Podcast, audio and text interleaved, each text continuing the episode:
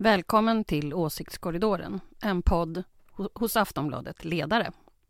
Idag ska vi prata om att SD får mest medieutrymme, Åkessons betydelser i SD, S i opposition, Svantessons budget förstås, vallöften, klimattoppmötet, Nato och varför Anders Lindberg kallar Ulf Kristersson för KULF. En podcast från Aftonbladet Ledare. Åsiktskorridoren.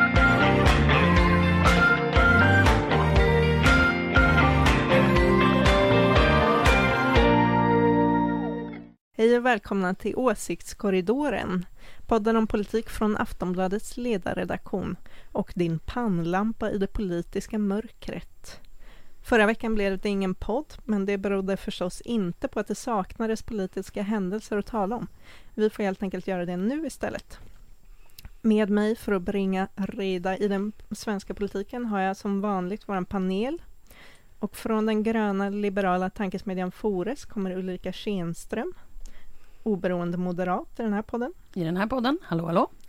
Från Aftonbladets oberoende socialdemokratiska ledarsida har vi den här veckan Fanny Jönsson. Fanny, du är nu vikarie. Vill du säga någonting kort om dig själv? Vem är du? Vem är jag? Filosofisk fråga. Eh, skrivande person, journalist och eh, tycker väldigt mycket om det mesta, men i synnerhet klimat och miljöfrågor skulle jag säga. Du är blygsam. Hon är klimatexpert här på redaktionen nu. Vi har också med oss Aftonbladets politiska chefredaktör Anders Lindberg. Du är också oberoende socialdemokrat om det är någon som inte har noterat det ännu. Jag Okej. heter Susanna Kierkegaard och skriver också ledare i Aftonbladet. Men nu är det jag som ställer frågor och fördelar ordet så gott det går. Idag har Elisabeth Svantesson för första gången tagit promenaden från Finansdepartementet till riksdagen med en alldeles egen budget. Landet är på väg mot lågkonjunktur och ändå måste det sparas för att inte driva på inflationen. Vad tycker vi om den här budgeten egentligen? Vad var det viktigaste i den? Anders? Jag vet inte riktigt vad som var viktigast. Det kanske viktigaste var vad som inte var med i den, tänker jag. Och det är ju stora satsningar på välfärden. Eh, de uteblev helt. Man lägger mindre pengar på i generella statsbidrag till kommuner och regioner än man ger på, på att sänka priset vid pump eh, för drivmedel. Så jag skulle säga att det är en, en katastrof som är på G att hända. Sen så är ju väldigt uppseendeväckande naturligtvis klimatfrågan. Att man, man dels tar av Sverige ledartröjan i klimatfrågan och dels helt liksom havererar klimatpolitiken. Och jag måste säga att det- är nästan, det är nästan som att se Trump eh, 2016 liksom där han, han genast gick till attack mot liksom amerikanska miljöskyddsmyndigheter och sådär. Det, det, är liksom, det är samma början på något sätt. Man skrotar miljödepartementet, man ändrar liksom alla sådana här saker. Sen så det som jag tror mycket debatten kommer att handla om det är ju att man har svikit i stort sett alla löften som man gav innan valet. Så det är väl det liksom som debatten blir. Men, de, men det här med klimatet och välfärden är ju egentligen större för det kommer ju få riktiga effekter. Liksom. Vad säger du Ulrika? Var det något du blev riktigt arg på? Nej men alltså jag tror att, och jag har ju efterfrågat sedan 2014 då vi började den här podden eh, eh, med att få strukturella långsiktiga reformer. Det får vi ju inte i den här budgeten överhuvudtaget. Men det beror ju naturligtvis på att man inte har varit förberedd innan. Så att det tar ju tid att göra de här reformerna nu. Så det kommer väl se ut så här i de här budgeterna. Men det jag tror kommer vara intressant att se, det är att till och med Benjamin Dosa på Timbro är jätte, jättearg över den här budgeten. Att det inte finns några skattesänkningar. Så jag tror att här har vi en borgerlig regering som inte sänker skatten och eh, om du arbetar och inte har bil så kan du få till och med få högre skatt. Så att du vet, jag inväntar, nu klockan 14 när vi spelar in den här, eh, men jag inväntar några dagar till att se när folk förstår vad det egentligen som har hänt i den här budgeten. Alltså då pratar jag om borgerliga väljare, liberala borgerliga väljare. Klimatexperten Fanny Jönsson. Ja, men jag tycker att eh, Anders satte ju fingret på någonting som vi har sett liksom nu hela tiden sedan den nya regeringen kom in, att eh, klimatet är ju liksom eh, allra längst ner på agendan för den här nya regeringen. Man ska liksom eh, elektrifiera men inte ge liksom avdrag för elbilar, man ska liksom premiera fossilfordon hela vägen, järnvägen ska man inte satsa någonting på. Ja, det är mycket sånt och sen var det ju också liksom spark mot kulturskolan och så vidare. Eh, ja. Och när det gäller det här med klimatet, alltså att det kommer dessutom så olyckligt precis vid COP27. Alltså det blir ju en bild, om vi redan har pratat om Sverigebilden, eh, så blir det här en, en, ett till steg i, i att eh, ja, man kanske ifrågasätter hur Sverige prioriterar. Men det blir ja. ju också patetiskt när hon, eh, Pourmokhtari, liksom försöker på något sätt fortfarande framställa det som att man ligger i framkant. Alltså Liberalerna annonserade innan valet med att de var liksom borgerlighetens gröna röst och sådana saker. Och det här blir bara skit av alltihopa när de nu tar över liksom miljöpolitiken. Eh, och, och, det blir, jag tror att det kommer nog också få så här långsiktiga konsekvenser på alla möjliga delar av samhälls, svenskt samhällsliv. Alltså näringslivet som ju har satsat jättemycket pengar. Om man tar till exempel det här med, med reduktionsplikten. Man har ju satsat jättemycket pengar till, till, till modernisering och teknikutveckling kopplat till att man tänker att det är stabilt. Och så bara rycker man undan grunden för det. Eh, alltså det kommer att få massa konsekvenser. Folk kommer inte att lita på vad staten säger. Därför att staten helt uppenbart är helt opolitlig. Eh, mm. och man gör såna här rena idiotsaker som reduktion, att ta bort reduktionsplikten eller minska den. Eh, så, så, att liksom jag tror att det här också är en förtroendekris som mm. successivt kommer att inträffa här. Mm. När det gäller, och, och sen också kommer en annan fråga och det är om det nu är så att den här typen av åtgärder som ändå är ingripande bara kan ryckas undan på det här sättet. Är det någon mening att göra någonting när någon nästa gång ställer krav? Eller ska man bara vänta ut dem tills liksom det kommer någon populist i, liksom, i bakvänd mössa och skriker liksom? Men, men alltså, jag tycker att det finns en ironi här. Alltså när vi har haft en socialdemokratisk ledd regering så har det funnits liberala inslag. Och sen får man en borgerlig regering där det inte finns sådana inslag. Det måste ju få näringslivet att vara hyfsat förvirrad. Eh, och, och, alla andra också naturligtvis. Men när du ändå var inne på själva näringslivet och, och, och, och vilka liksom, eh, investeringar man vill göra så tycker jag att the irony Ja. Men borde inte vissa i näringslivet också tänka så här, okej okay, de fick inga skattesänkningar och man drar undan benen för stora delar av industrin. Alltså det här, det är ju liksom, det är ju ekonomiska fundamenta, alltså kulturkrig, när kulturkrig tar över så, så nästa kan man ju också lära sig en läxa här från, från borgerligheten. Att liksom när kulturkrig tar över, ja även liksom den ekonomiska fundamentan. Det, bara puff, ut genom fönstret. Det är intressant med, med, med borgerlighetens valkampanj som är finansierat eh, till stora delar av näringslivet. Eh, hur, hur eh, Ja men alltså Money well näringsliv, liksom, mm. Ja men det är klart, alltså, det går ju ihop. Det är ungefär som LO och sossarna. Alltså bara komma ihåg, vad får de för pengarna? Alltså de får ju en kassare Sverigebild. Och det är också lite roligt för att Sverigebilden är ju väldigt viktig för vår export. Och nu, nu ska Sverigebilden bli liksom hakkorsflaggor av svenska flaggan Sverigebilden blir liksom eh, den, Och den här bilden fortsätter ju Om ni har läst så här, amerikansk media till exempel När de skriver om Sverige då återkommer hela tiden det här att ett tidigare nazistparti eh, liksom har, har, har stark ställning liksom, och, och, det är klart att vad, vad, gör det för investeringsbeslut? Vad gör det för liksom den typen av saker? Det är så roligt när man säger det, det där dyrt, med, med Sverigebilden för att då blir, då blir hela, liksom blir alla på den borgerliga kanten jätte, jättearga, särskilt på mig och börjar gapa sossespinn och sånt där. När det bara går att läsa tidningarna. Så att jag tycker att eh, det kan ju vara en läxa att börja läsa lite internationell media så att man kanske kan göra någonting åt det här.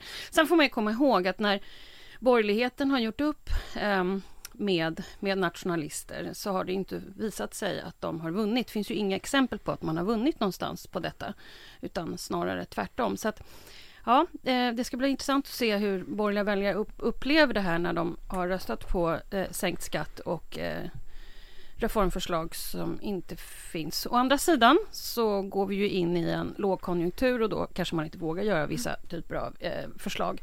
Men, men ja, jag tyckte att det var väldigt intressant att till och med Timbro är arga. Mm. På tal om saker som inte går som man har tänkt sig så ska vi prata lite om en detalj som var stor i valrörelsen, nämligen priset på bensin och diesel. Sverigedemokraterna lovade 10 kronor mindre för dieseln till exempel. Det blev 41 öre istället. Bensinen blev 14 öre billigare. Funkar det så funkar det inte. Ibland är verkligheten och spökar, förklarade Sverigedemokraterna Oskar Sjöstedt förra veckan. Kan man verkligen ta så lätt på vallöften, Fanny? Eh, nej men jag tycker det är väldigt intressant för att Sverigedemokraterna ska ju liksom representera verklighetens Sverige, säger de. Att de är ju liksom verkligheten. Eh, så det är intressant att man inte tar det in i beräkningarna. Jag tycker att det är, men, det är bara väldigt, väldigt roligt att se hur den här regeringen liksom nu verkligen går in i en helt annan verklighet än eh, vad de verkade se innan valet och eh, alltså 2022 är ju inte ens slut än. Det ska bli intressant att se hur många vallöften man hinner bryta under hela mandatperioden. 2022 är tyvärr inte slut än. Eh, vi kan också säga att hel i helgen så presenterade Ekot Sifos stora undersökning av mediernas politiska rapportering veckorna efter valet. Det visade sig kanske inte så förvånande att Sverigedemokraterna intog första platsen och är det parti som har fått mest medieutrymme. Är det något som vi borde vänja oss vid, Ulrika? Att han tar mest plats? Mm. Ja, han får ju vara både regering och opposition, så det är ju en fantastisk plattform, eller hur? Ja, vad säger Fanny? Ja, men i synnerhet för någon som hatar medier så mycket. Det är ju en speciell relation liksom. Få så mycket plats och så mycket uppmärksamhet men så porträtteras man alltid helt fel. Det är toppen. Ska dock motsäga er lite här och fortsätta med att säga att trots uppmärksamheten kring Sverigedemokraterna så har det inte varit Jimmy Åkesson som har synts mest av partiledarna utan Har det- där kom han först, ja det var lite taskigt av mig att inte säga det från början utan bara kasta ut er sådär. Eh, Men han kom faktiskt först på fjärde plats efter Ulf Kristersson, Magdalena Andersson och Annie Lööf.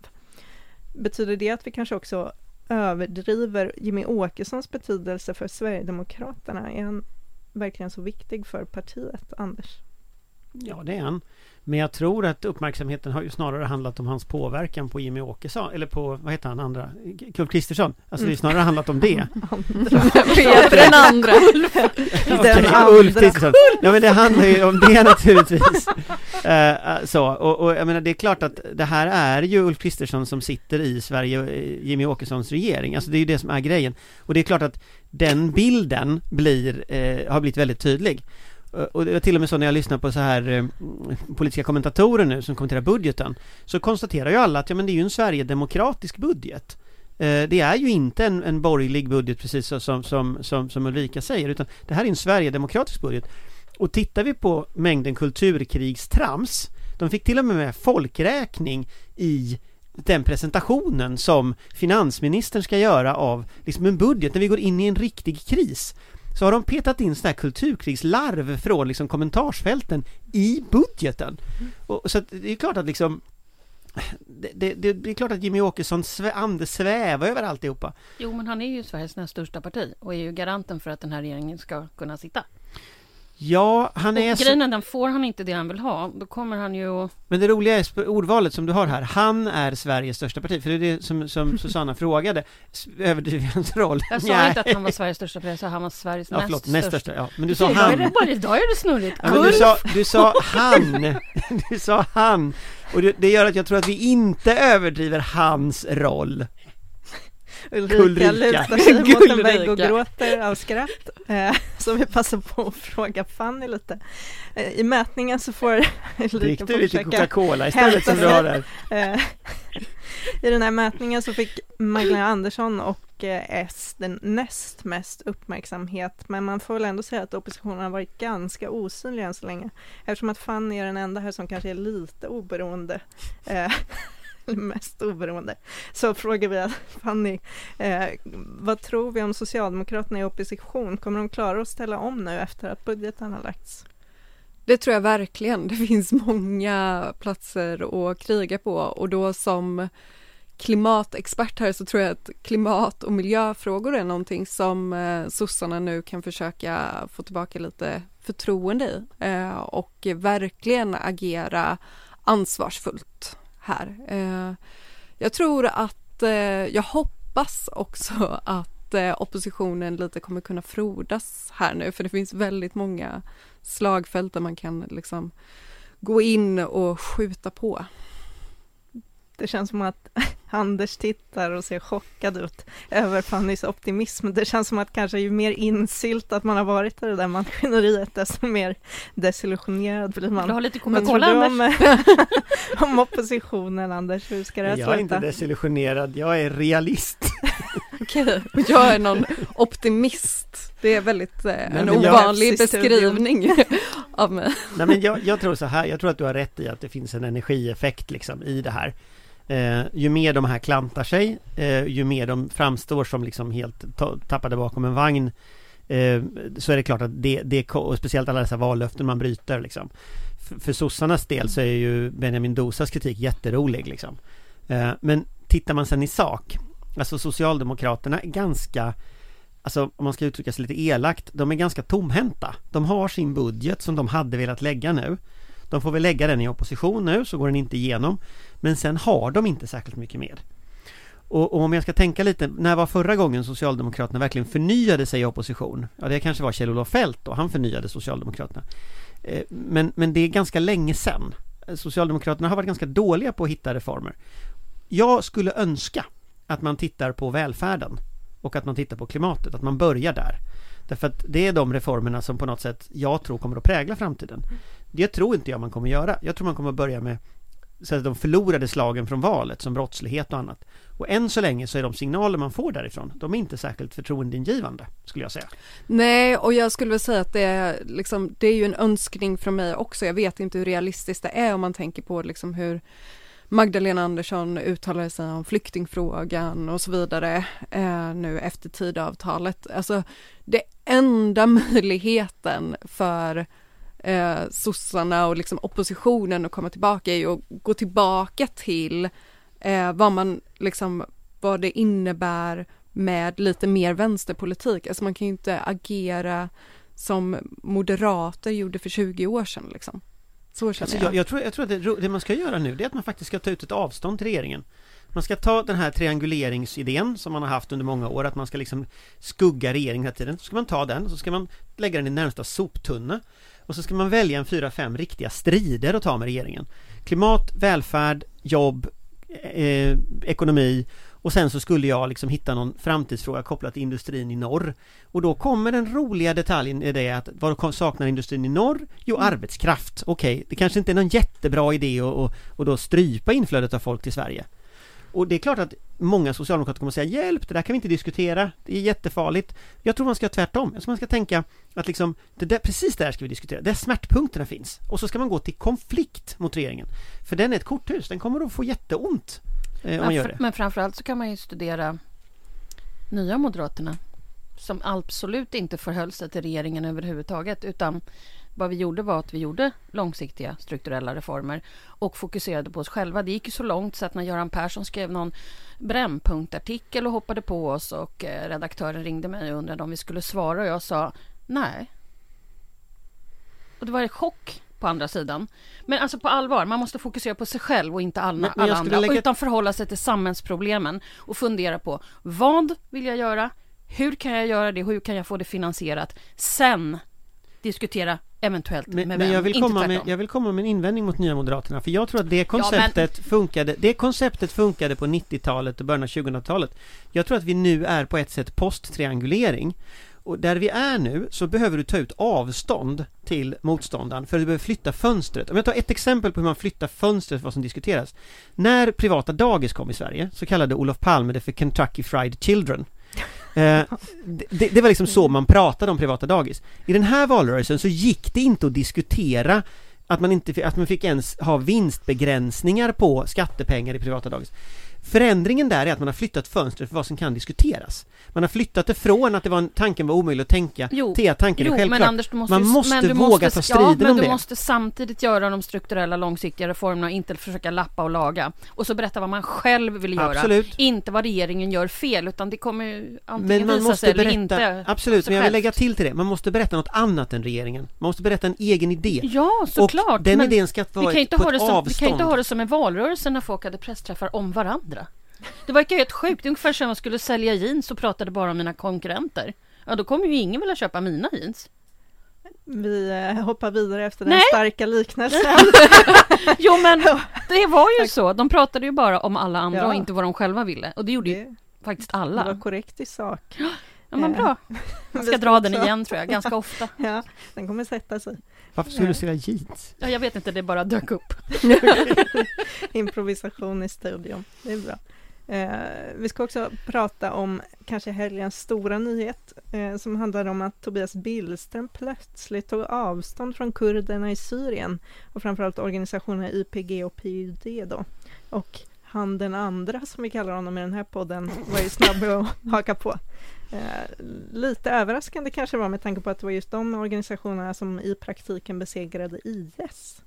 Eh, men vi får väl gissa att tydligen så hoppas den svenska utrikesministern att det ska få Turkiet att acceptera Sverige i NATO. Är det en rimlig förhandlingsteknik, Anders? Det kan det vara. Eh, alltså man, man, man, ska inte, man ska vara lite hederlig mot Billström och säga det att eh, både PYD och YPG pekas ut redan i det dokument som regeringen skrev under. Eh, den socialdemokratiska regeringen skrev under det här trilaterala avtalet. Det han gör det är att han skärper linjen och han ger också en motivering som är, tycker jag är ganska konstig. Eh, där han liksom verkligen trycker ihop alla kurder i princip över en kam med PKK. Eh, det är så det tolkas i alla fall i Turkiet och de är jätteglada för den motiveringen. Jag tror man ska vara lite försiktig med att dra sådana långa växlar från regeringens sida därför att konsekvensen av det kommer att bli att Turkiet förväntar sig leverans. Det där kommer inte han att kunna leverera. Och när Turkiet säger leverans då menar de att få bort PKK-flaggor från demonstrationer, förbjuda människor som står för de här åsikterna att demonstrera i Sverige. Eh, nu hade de ju inte med utlämningar i det senaste och det är ett framsteg ska jag säga. Men jag tror att regeringen ska vara lite försiktig med vilken typ av retorik man använder. Eh, sen är det ju så att eh, om vi tittar på i sak så är ju kurderna i norra Syrien, eh, de är ju våra vänner. Eh, det var de som bekämpade IS och just nu är det de som sitter och har hand om en massa svenska före detta IS-krigare som de tyckte kunde åka hem, vilket inte var så konstigt kanske. Så att jag tycker det känns som att liksom amatörmässigt när det gäller nyanserna från UD. Eh, men sen är det, det är inte en helt ny linje. Det var Socialdemokraterna som satte ner den där foten från början. Så de kan inte helt bara skylla på Billström för det. Känns det som att Billström är lite ny på jobbet, Fanny? Nej, jag vet inte riktigt. Alltså, Billström gillar väl att liksom synas och höras. Eh, det är väl den stora grejen. Sen så tror jag att man får liksom Ja, han, eh, jag vet inte riktigt vad jag ska säga om Billström faktiskt. Det är okej, vi kan gå vidare. Vi rör oss vidare. Men du känner väl Billström? Billström? Ja, jag känner Billström. Han är verkligen inte ny på jobbet. Han har suttit som ja. migrationsminister i åtta år också. Så att eh, det finns nog en plan för det här. Mm. Jag ska säga det också, en annan detalj med det där, förutom att, det där, att man får vara lite försiktig med hur mycket av det här man säger att är regeringens ansvar. Eh, så, så, är det ju så också att, att själva syftet med det här, att liksom få Turkiet att, att eh, sluta blockera den här NATO-ansökan, det syftet är ganska viktigt. Men frågan som kommer att, att skapa problem för framtiden, det är hur mycket Tror man att eftergiftspolitik får eh, diktatorer att göra som man vill? Och hur mycket spelar diktatorer med eftergiftspolitik? Och där är erfarenheten tyvärr att ju mer eftergifter man ger till den här typen av karaktärer som Putin eller Erdogan eller Trump eller vad det är, ju mer tar de. Och det där kan skapa jätteproblem över tid. Speciellt om man har så här hemliga överenskommelser med den typen av regimer. Så vi får hoppas, jag önskar liksom verkligen regeringen lycka till med det här Men alltså jag hoppas att det inte finns en massa sånt där hemlig gegga under bordet som liksom sen kommer upp och ställer till det liksom eh, För tolkningen, det såg jag det förra avtalet, att eh, Turkiet hade en helt annan tolkning eh, av det Så att liksom inga hemliga handskakningar om, om några utlämningar och sånt Ja, hemlig gegga Intressant Vi måste ju också prata om det stora FN-mötet om klimatet i Sharm el-Sheikh. Ulf Kristersson har varit där och många av världens övriga ledare. Eh, men vad betyder egentligen den här sortens möten? Har de någon funktion, Fanny? Ja, men de har ju absolut en funktion. Eh, det här är liksom det här är ju ett sätt för världens länder att gemensamt kunna liksom tackla den stora ödesfråga som klimatförändringarna innebär. Eh, det här är ju ett sätt att kunna uppfylla Parisavtalet och liksom ha sina utsläppsmål och liksom att de går i linje eh, med vad som en gång lovades. Men ehm, förhoppningarna på det här mötet är ju inte stora. De är verkligen inte stora och det är oerhört sorgligt men det är inte så förvånande med tanke på att typ de senaste årens möten har varit så här ja nu blir det hemläxa igen, då får ni bli bättre till nästa år och då får ni bli bättre till nästa år. Och nu visar ju väldigt många liksom studier att eh, det kommer nästan vara omöjligt att nå 1,5 gradersmålet. Eh, och det är ju liksom det man kom överens om i Parisavtalet. Och när man skrev Parisavtalet så sa man liksom så här, vi ska försöka att stanna vid 1,5 men under 2 graders uppvärmning. Sen dess har man ju insett vilket helvete 2 graders uppvärmning kommer innebära. Det är liksom ännu värre än vad man först tänkte sig. Eh, så att vi nu inte kommer, eh, antagligen inte kommer nå 1,5 graders målet är ju ett enormt svek. Um, så egentligen, som svar på din fråga, man borde ha liksom jätte, jättehöga förväntningar på det här mötet, men med tanke på hur världens länder och representanter har agerat och om vi tittar på vår egen regering och hur de beter sig, eh, så ehm, har inte jag så höga förväntningar. Tror du att det kommer bli några reaktioner på mötet här hemma i Sverige? Tänker du liksom på folkrörelser eller liksom ja, på... Kommer det märkas att det pågår ett sånt här möte? Det tror jag. Jag tror att vi kommer se en del demonstrationer, jag tror att vi kommer se det är ju en eh, stor liksom, mediebevakning. Jag tror verkligen inte Pourmokhtari kommer liksom komma undan med svepande formuleringar eh, om det ena och det andra. Man kommer absolut hålla koll på vad Sverige gör. Eh, men eh, Ja, jag, eh, jag tror absolut det kommer bli reaktioner, men vad de mm. reaktionerna kommer mm. bli vet jag inte. Ehm, men folk är förbannade eh, och eh, arga och jag tror verkligen svenska folket inte kommer förlåta att Sverige liksom ökar sina utsläpp. Vi får hoppas att Nationalmuseet är förberedda. Alla eh, olika museum. Sen ska ja. vi komma ihåg att länder som Polen mm. och Tyskland de eh, senare lägger ju sin nedläggning av eh, kol, kolkraft. Så att det kommer ju se ganska dåligt ut för rätt många. Mm. Men Sverige behöver ju inte... Jag säger inte att Sverige så... är något slags föregångsland. Det är inte det jag försöker säga. Jag säger bara att det ser inte bra Nej. ut rent generellt. Nej. Nej men sen den stora grejen är ju att så länge Putins krig fortsätter så kommer också det här att fortsätta. Så är det. Precis så är det. Alltså vi sitter... Vi, och, det är gasen det handlar om. Det är gasen det handlar om och det är liksom hela balanssystemet med oljepriset och, och nu såg vi att Saudiarabien och, och deras goda vänner som ju då får väl inkludera Ryssland i det här fallet mer eller mindre men att, att liksom OPEC plus då eh, ser till att hålla priserna uppe eh, skadar ju liksom världsekonomin på totalen också. Så att det blir liksom både en klimatkris, en ekonomisk kris, en säkerhetspolitisk kris och inflation på det. På varandra här, staplat liksom så. va. Och tittar man på så här Maslows behovstrappa, vilken löser man först? Ja, det är den säkerhetspolitiska krisen. Det är dit pengarna kommer gå. Alla de pengarna som borde ha gått till, till klimatinvesteringar, till välfärd, till utbildning och så runt om i hela världen kommer nu gå till vapen. Så den här budgeten är på sätt och vis symptomatisk faktiskt. Därför att i den här budgeten så går pengarna från klimat till vapen. Från eh, kulturskola till vapen. Från eh, eh välfärd till vapen. Och det är precis så hela världen kommer att se ut. Det är skitkul. Men det är så oerhört Halleluja. kortsiktigt liksom för att vi mm. vet att eh, ju mer klimatkrisen eskalerar desto fler konflikter kommer det bli, det kommer bara bli värre och det här är ju liksom ett gyllene tillfälle för så många länder att liksom göra sig oberoende av fossila bränslen och liksom att verkligen investera i gröna lösningar. Liksom. Och så eh. vinner väl Republikanerna i representanthuset, eller hur? Och så går vi mot ett Trump-val om två år.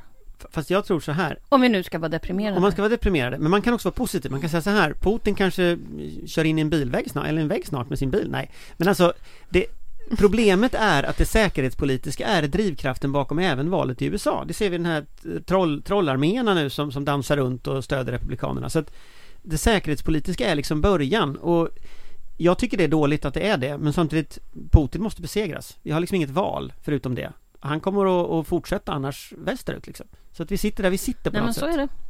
Jaha, det här blev ju roligt. Det här blev kul. Eh.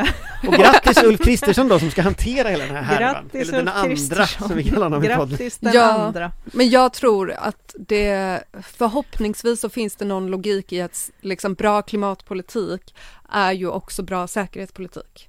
Det kommer liksom, någon gång kommer människor behöva inse detta och liksom klimatanpassning, säkra vattenresurser och så vidare. Men eh, till exempel det här att man tittar på hur biståndet behandlas nu i Sverige. Eh, en stor del av klimattoppmötet kommer ju också handla om hur finansierar vi liksom eh, andra länder eh, och deras klimatomställning. Det tror jag kommer bli en sån enormt svår fråga som man inte kommer lyckas med på COP27 just nu. Eh, så att eh, det, det känns rätt deprimerande, vilket gör det viktigare än någonsin för en opposition att försöka visa på någon slags positiv framtid och ett annat alternativ. Riktigt tappert försök där på slutet att lyfta upp stämningen lite. Ja, men, med, det, ja. med det så får vi nog avsluta podden för idag. Tack så jättemycket, särskilt till Fanny som kämpade på in i det sista med att motarbeta de två dysterkvistarna. Ja. Eh, och om en vecka så är vi tillbaka förmodligen, får vi verkligen hoppas, och då lär vi ha ännu mer dystra och glada nyheter att eh, diskutera.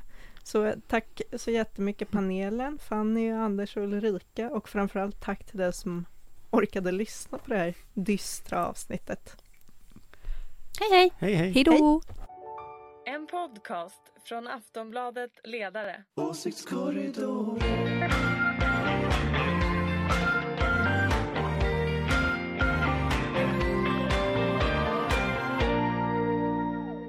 Du har lyssnat på en podcast från Aftonbladet. Ansvarig utgivare är Lena K Samuelsson.